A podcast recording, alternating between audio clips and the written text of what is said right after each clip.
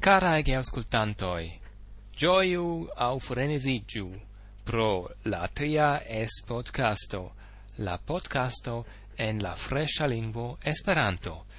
Do saluton, hodiau mi volas eki discuton pri ciu ni vere besonas Zamenhofan tagon.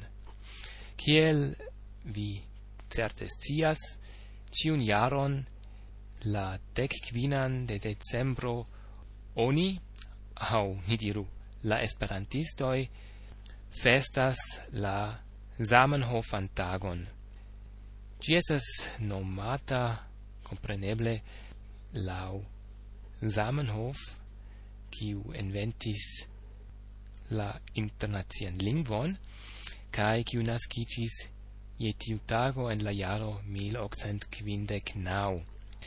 Do, ancau eh, esat conata che Zamenhof mem neniam volis esti adorata kiel maestro auguruo, tamen vole ne vole li igis uh, guruo au grand maestro de la lingvo, do ancau liae petegoi ne fari tion, ne helpis, kai nun ciui ancora festas lian tagon.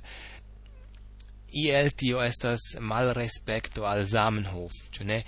Kaj la mia opinio ni ne festu tion tagon, almena ne lau la nomo Zamenhof tago. Cial ne Esperanto tago? Esperanto tago tiu estas ancau tauga nomo por uh, publikigi al la ne-esperantista mondo. Iam existas aliae proponoi nome nomiti un tagon tago de la Esperanto culturo. Do iom longa, sed tamen kial ne? Do, kio estas via opinio? Ĉu vi volas mi teni la mm, longan, nekonatan eh, version Zamenhofa tago, kiun certe ne aprobus Zamenhof mem? au ciu vi estas por la nova nomo Esperanto tago, au ciu vi shatas tago de la Esperanto culturo, do simple scribu al mi, estas podcasto asigno esperan.to. Nepre scribu al mi, cae mi daurigos tiun ci podcaston. Do nun, gioiu au frenesigiu Gis reaudo.